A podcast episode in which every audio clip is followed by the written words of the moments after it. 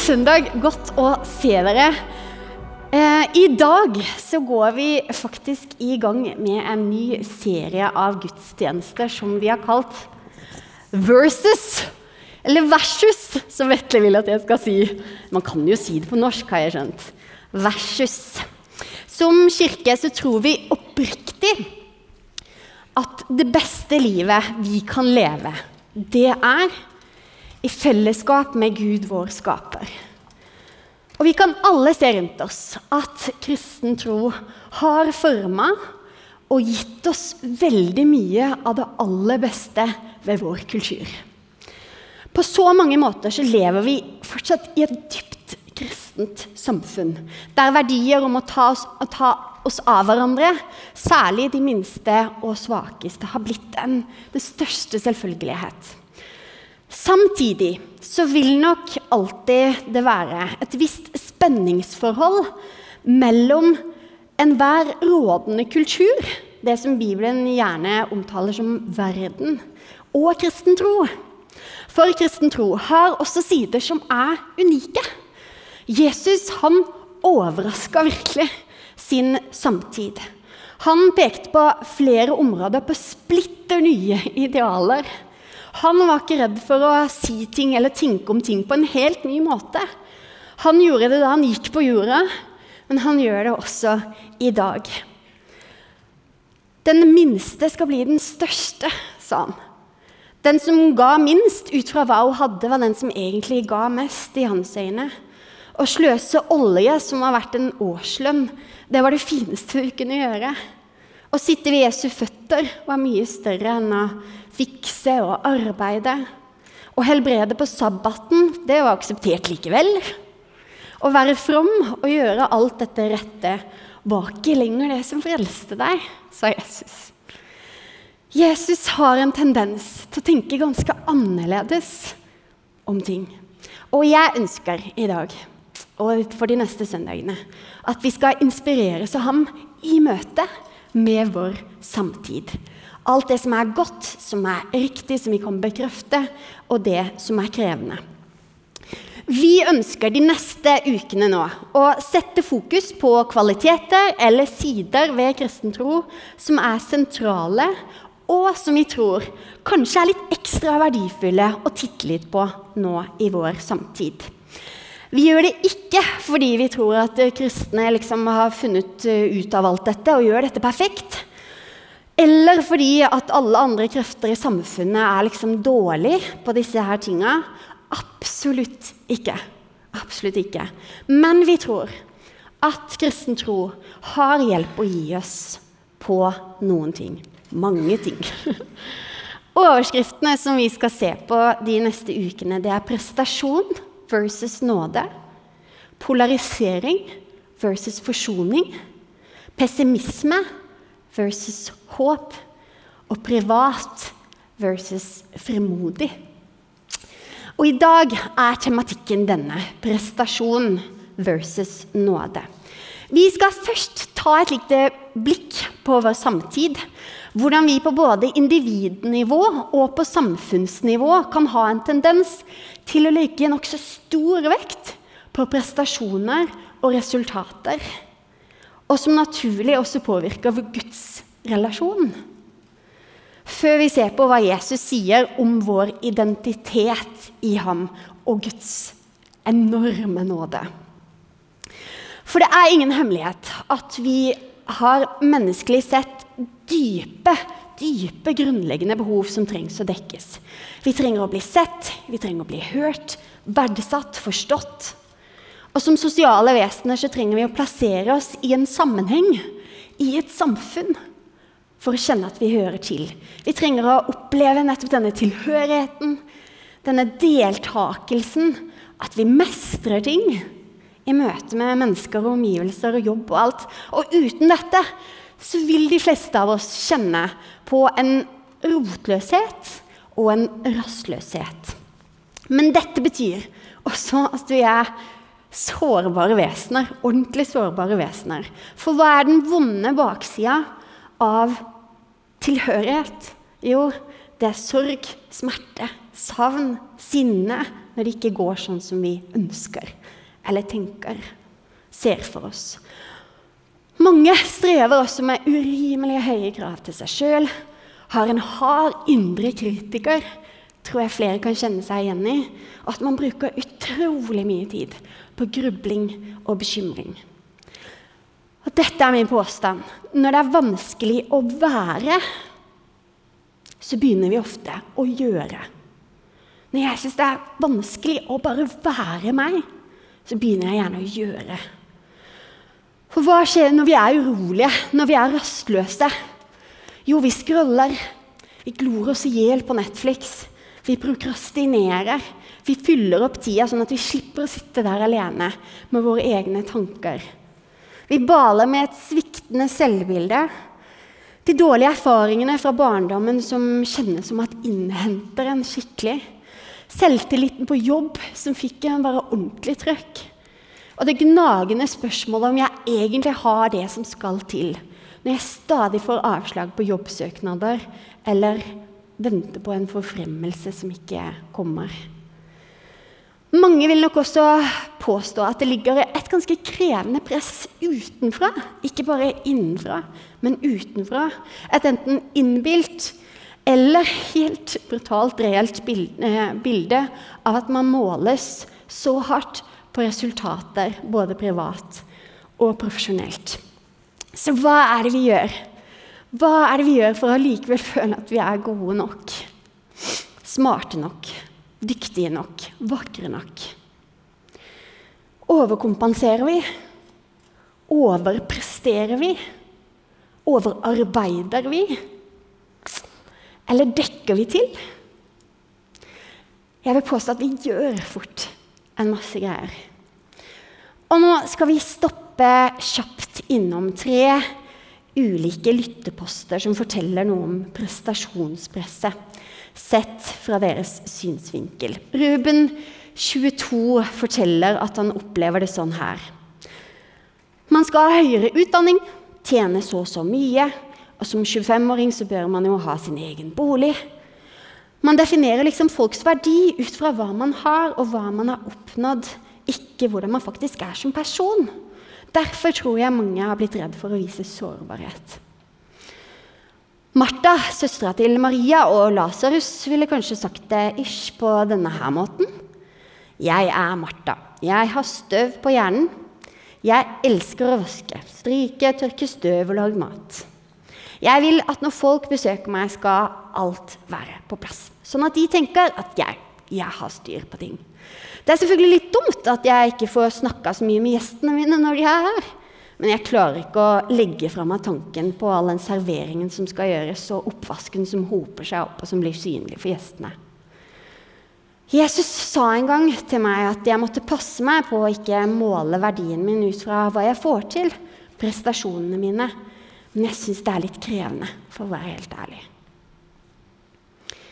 Journalist og forfatter Carl Honoré han skriver dette. Når folk syter at 'Å, jeg har så mye å gjøre', jeg rekker ikke å snu meg rundt. Livet er et eneste virvar. Jeg har ikke tid til noe som helst. Så betyr det egentlig 'se på meg'. Jeg er utrolig viktig, spennende og energisk. har du tenkt over hvor merkelig positivt ladd ordet 'hektisk' har blitt? Hektisk defineres som febrilsk, rastløs og travel. Høres ikke sånn kjempedigg ut, spør du meg egentlig. Men her kan vi jo være forskjellige, da. Det å være hektisk har blitt noe som vi egentlig i stor grad pryder oss med, og som gir en form for anerkjennelse i vårt samfunn. Og apropos samfunn. For noen å, når noen har forsøkt å forstå ulike typer samfunn, så har man brukt begrepet meritokrati for å beskrive et samfunn der penger og posisjoner primært fordeles ut fra prestasjoner. Altså belønning etter forutsetninger og innsats. Og man kan jo tenke hvorfor ikke? I boka 'The Tyranny of Merit' hevder filosofen Michael Sandel at et meritokratisk samfunn ikke bare er urettferdig, men at utviklingen i retning av et sånn her type samfunn har vært uheldig både for vinnerne og for taperne. Vinnerne de blir selvgode. Ikke bare har de lykkes, men nå føler de seg ganske sikre på at 'jeg fortjener min suksess'. Sympatien med de som er dårligere stilt, den svekkes gjerne. Og aksepten for ulikhet, den øker. For taperne er prestasjonssamfunnet spesielt ille. Ikke bare får de dårligere jobber og lavere lønn, men nå blir de også fortalt at man kan bare takke seg selv. Det fratar dem i tillegg verdigheten sin. Og relevant for mest sannsynlig alle i dette rommet. Lykkes jeg ikke med nyttårsforsettene mine, så er det fordi jeg har hatt, tatt dårlige valg og hatt for lite viljestyrke.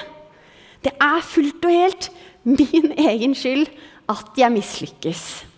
Og den tankegangen kan over tid være ganske utmattende hvis dette gjelder mange deler av livet vårt. Og det neste spørsmålet blir da hvordan påvirker dette vårt gudsforhold? For denne, med denne her menneskelige disposisjonen som vi har snakka om, at vi ønsker at vi skal bli sett og anerkjent, og i tillegg i et samfunn som hedrer viljestyrke og sterke, gode resultater, så er gjerne refleksen, kan i hvert fall jeg kjenne, at, at vi også relaterer til Gud på denne her måten, gjennom å prestere. At også gudsrelasjonen, og kanskje til og med selve frelsen, er noe vi må få til. Orke og liksom jobbe hardt nok for eller fortjene på en eller annen måte. De fleste religioner, egentlig verdens anskuelser i det hele tatt, også sekulære, vil si at gjerninger eller prestasjoner fører til frelse. Vi kvalifiserer oss for Gud, til Gud, gjennom det vi får til å gjøre. Et buddhistisk livssyn tror på karma, som sier at dersom du gjør bra ting, så vil det gå deg bra i det neste livet. Du vil bli belønna i ditt neste liv.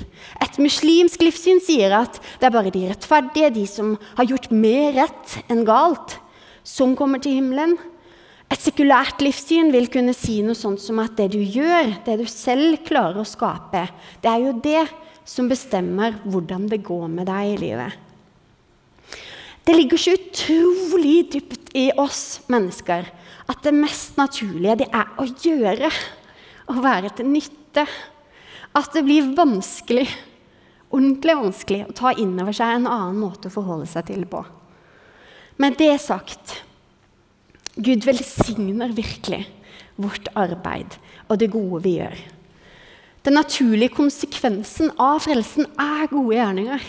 Og det er helt sant. Men vi må holde tunga litt rett i munnen. Gode gjerninger det er ikke forutsetningen for frelsen, men en frukt av den, og kun det.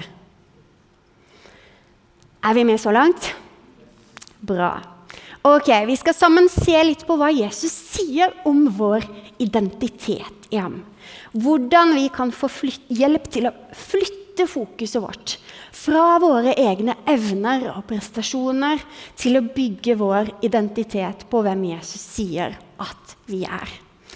Og i tillegg så skal vi bli påminnet den enorme nåden som Jesus har vist oss, som gjør at vi kan stå rakrygga innenfor Gud. Fordi han har gitt oss frelsen i gave, fullstendig ufortjent kun fordi han ønska det sånn. Kirkefader Augustin av Hippo, som levde på 300- og 400-tallet, han formulerte det som har blitt en velkjent bønn, som avslutter med disse ordene. Du har skapt oss for deg, og vårt hjerte er urolig inntil det finner hvile i deg. Uansett hvor heldig utgangspunkt du og jeg har, uansett hvor hardt du og jeg jobber, så var Augustins poeng at på eller annet tidspunkt så vil du og jeg trenge et sterkere feste under beina våre.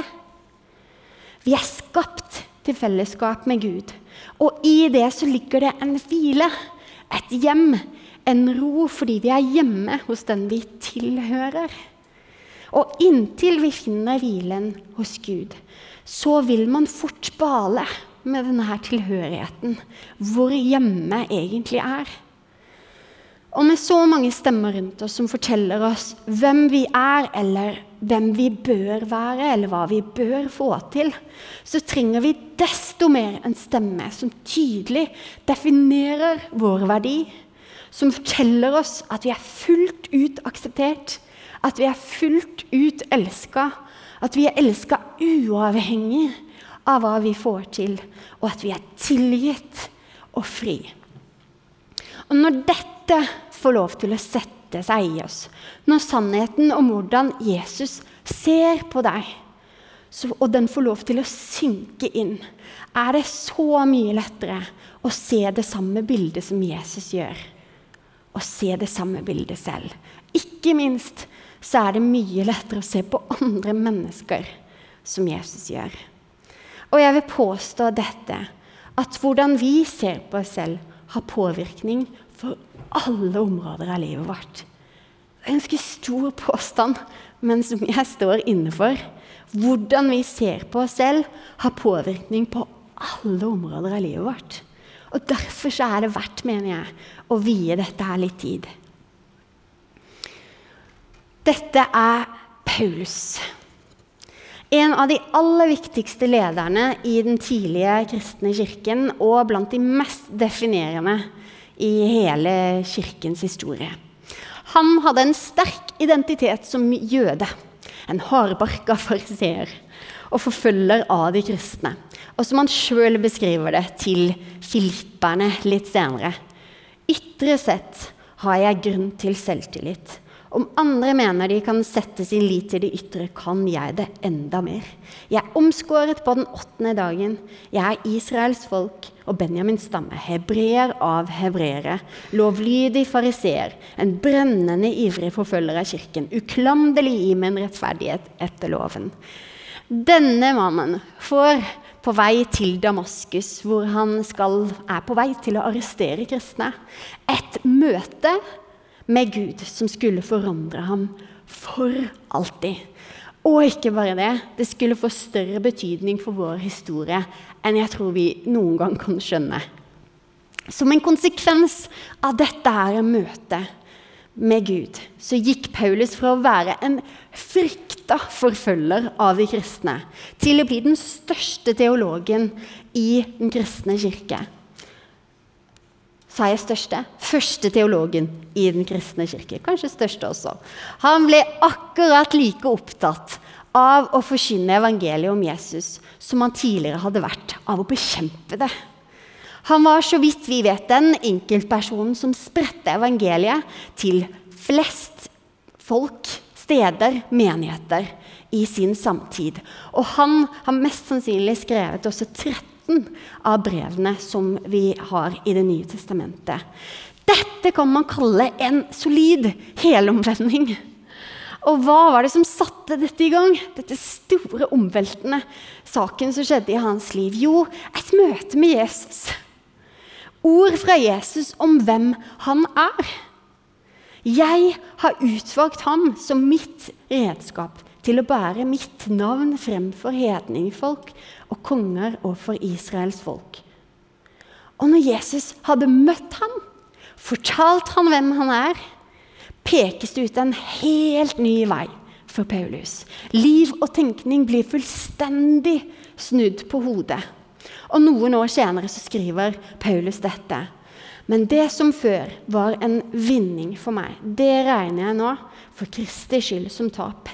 Ja, jeg regner alt som tap, fordi det å kjenne Kristus Jesus, min Herre, er så mye mer verdt.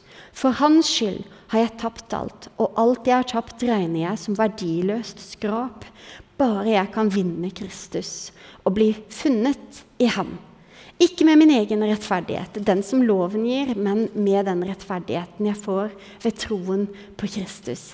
Det er rettferdigheten fra Gud, bygd på tro. Et møte med Jesus som forteller deg og meg hvem vi er, og som leder deg inn på hans gode vei, det kan få en så enormt stor betydning. Og han sier dette her til oss. Du er utvalgt. Gud formidler til oss i hans ord at vi er utvalgt av ham. Du er evig elska. Han sier med evig kjærlighet har jeg elsket deg, Jeremia 31, 31,3. Med evig kjærlighet har jeg elsket deg. Du kan ikke få Gud til å stoppe å elske deg. Han, ikke, han kan verken elske deg mer eller mindre enn det han gjør. For hans kjærlighet er basert på han sjøl og ikke på oss. Fordi han ikke bare har kjærlighet, men fordi han er kjærlighet. Det er hans karakter. Og han er en grenseløs tilgiver. Og hvordan vet man at man er tilgitt? Jo, det er Guds natur å tilgi. Han er en tilgiver. Og fordi Jesus betalte for dine og mine synder. Når du ser på korset, vil du se at du er akseptert, du er elska, du er verdifull, du er tilgitt. I Feserne 1, 7-8 så leser vi i ham har vi friheten, kjøpt ved hans blod, tilgivelse for syndene. Så rik er Guds nåde. Så til deg som kjenner deg litt tynga potensielt, fanga i andres meninger om deg, eller fanga i egne tanker om deg selv, så vil jeg sterkt oppfordre deg til å revurdere dine tanker i lys av sannheten og hvem Gud sier at du er. En av de viktigste sannhetene som du og jeg kan gripe i våre liv, det er Guds voldsomme godhet og kjærlighet. For Gud er mye, mye bedre enn hva vi tenker. Så vi må faktisk endre vår tankegang. Jeg sier det igjen. Gud er mye, mye bedre enn hva vi tenker. Så det er vi som må endre vår tankegang, for han er den samme. Han er lik. Det er vi som må vende om, snu om i hodet. For når vi innser at Gud er uendelig god, så settes vi fri til å være den som vi er skapt til å være.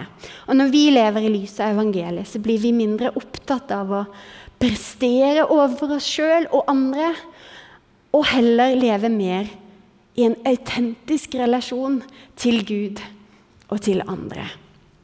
Og det tar oss til det siste. Evangeliet. At vi er frelst av nåde alene. Og nå kommer en blodfersk erfaring fra mitt eget liv. Fredag forrige uke, ja, da var det langfredag. Denne dagen fikk jeg sitte og lytte til Andreas sine beskrivelser av hva som skjedde denne dagen. Helt uforstyrra. Ikke et eneste barn på fanget. Og ja, jeg hørte dette her budskapet for n-te gang.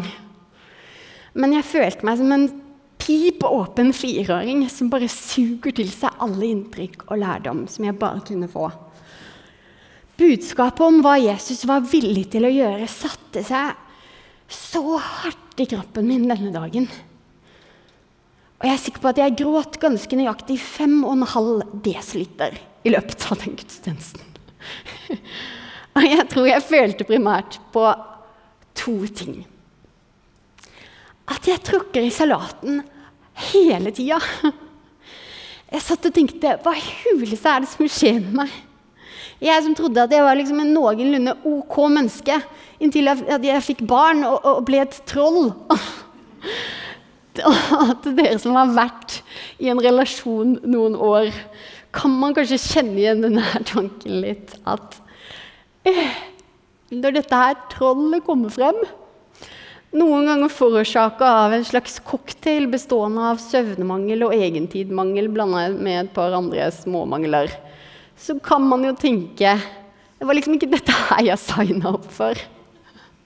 Leve dette livet med et troll. Det andre, og det andre jeg tenkte på der jeg satt, det var dette. Hva skulle jeg gjort uten Hans nåde? Når man kjenner på en sånn tilkortkommenhet, så går man gjerne, og med rette kanskje, ganske sånn kraftig inn i seg sjøl. Og man forsøker å liksom nøste opp i hva er det som skjer her. Og hvordan kan jeg forsøke å vokse og jobbe for at jeg og vi som familie og ektepar skal ha det godt. Men det som gikk opp for meg på nytt, var dette her. Jeg er så avhengig av Hans nåde og hjelp. Og på nytt så fikk jeg gjøre en overgivelse til Gud. Takke både for at hans kjærlighet ikke svinger opp eller ned etter hvor god jeg klarer å være.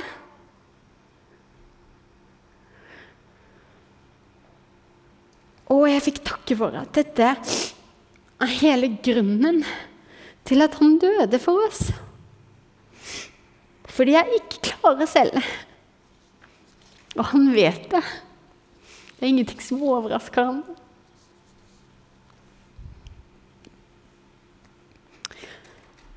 Spørsmålet om eh, det var egne prestasjoner eller Guds nåde som leda til frelse, det har vært et spørsmål til alle tider.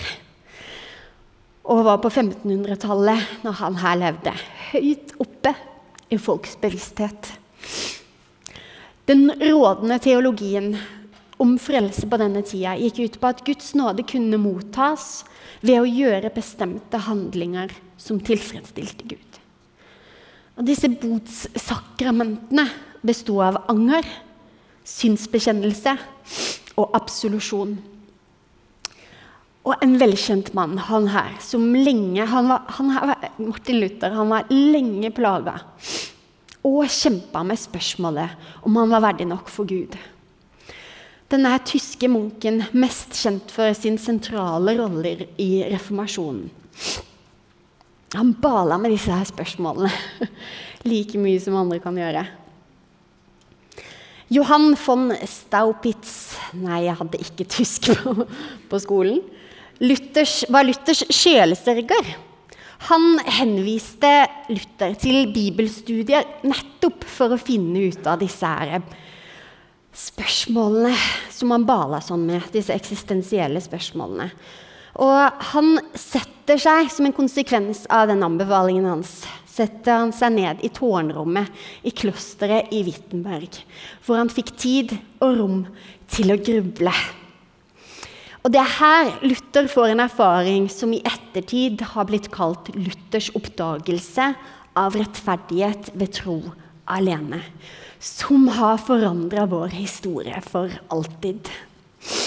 Gjennom å studere romerbrevet slår Luther fast at Ingen blir frelst ved egne gode gjerninger, men ved nåden som skjenkes ufortjent ved troen på Kristi frelsesverk. Og ved sin kompromissløse troskap mot Bibelen og Åndens veiledning så sørga Luther for en gjenoppdagelse av denne her urkristne, urkristne sannheten om at det er Jesus som frelser, som frelser alene, og at vi ikke kan legge til noen som helst ting. Og det gjør at vi i dag kan glede oss så stort over nådens frihet. For av nåde er dere frelst ved troen. Det er ikke deres eget. Det er ikke av dere selv. Det er Guds gave. Ikke av gjerninger, for at ikke noen skal rose seg. Vet du, Bibelen har, I Bibelen har vi ingen eksempler på mennesker, at menneskers prestasjoner kvalifiserer dem for Guds nåde. Ikke en eneste. Snarere tvert imot. Bibelen er full av mennesker som ikke strekker til. Men de anerkjenner at Gud er sterk, og at han blir styrken i deres svakhet. Når vi ikke er nok, så er Guds nåde nok for oss. Jesus sier, 'Min nåde er nok for deg'. For kraften fullendes i svakhet. Derfor, sier Paulus, vil jeg helst være stolt av mine svakheter, for at Kristi kraft kan få bolig i meg. For sannheten er at i møte med evangeliet, i møte med en hellig Gud, så vil vi uansett aldri kunne klare å nå opp. Ei jente sa om fortida si for hun hadde strevd med disse her tinga. Strevd med ting å få det til i seg sjøl. Så sa hun at ved å stole på egne gjerninger, så hadde jeg jo egentlig misforstått bare hele evangeliet. Og hun har helt rett. Hele poenget er at vi ikke klarer å gjøre oss fortjent til frelsen ved hjelp av egen viljestyrke eller kjempefine nyttårsforsetter. Det er hele og alene en gave. Den største gaven vi noensinne kunne få. Og jeg tror at vi ofte forholder oss til en tanke om at vi får som fortjent. En inngrodd sak kanskje for alle med sterk rettferdighetssans. En tankegang om at det vi gir inn, det er det vi får ut. Er jeg god, så blir jeg møtt med godhet. Spanderer jeg, så kommer jeg til å bli påspandert. Gir jeg en gave, så får jeg en tilbake. Vi får som fortjent. Og på mange måter, på mange områder i livet, så stemmer det der nokså bra. og Derfor er det sykt krevende å snu om tankesettet og forstå at Guds aksept og godhet mot oss ikke er et resultat av hva jeg har fått til av godt og rett. At jeg faktisk ikke får som fortjent. Fordi vi er syndige mennesker som i oss sjøl ikke er verdige i møte med en hellig Gud. Hans aksept og godhet kommer ikke av at jeg har gjort dette rette, fått det til, som et resultat av mine mange tapre forsøk. Nei, Gud er konstant glad i deg, uavhengig av alle dine forsøk. Han er konstant stolt av deg. Hans kjærlighet varierer ikke. Gud er aldri humørsyk. Han står aldri opp på feil bein. Han mener det samme om deg og meg hver dag. Og hvordan er det mulig? Jo, fordi Gud ikke bare har kjærlighet i seg som han har lyst til å gi deg. Men han er kjærlighet. Det er hans natur. Det er ikke bare noe han har, som man kan drøsse ut når han føler for det, eller når vi har vært så gode. Han er kjærlighet. Det er den han er. Og ut fra hans endeløse kjærlighetstank har han selv gitt livet sitt for at vi skal få leve. Han har prestert for at vi skal slippe å prestere. Han har prestert allerede i vårt sted. Og det, det er nåde.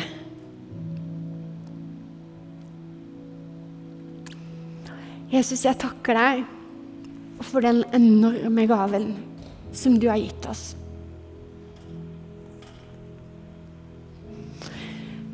Jeg takker deg for at du elsker oss uavhengig, på tross av, og at du alltid, alltid, alltid, alltid vil ta oss imot. Herre, jeg ber om at du skal hjelpe oss å la dette få synke inn igjen. Enten vi hører dette budskapet om din nåde for første gang eller for hundrede gang, så ber jeg om at du, det skal synke inn i oss, og at det skal få betydning for våre liv. At det ikke bare er noe som sitter i bakhodet vårt eller underbevisstheten, for dette har vi jo lært. Men at det skal på en måte bare komme til syne og få konsekvenser for hvordan vi ser på oss sjøl og i møte med våre medmennesker og i møte med deg. Herre Jesus, hjelp oss og led oss og lær oss.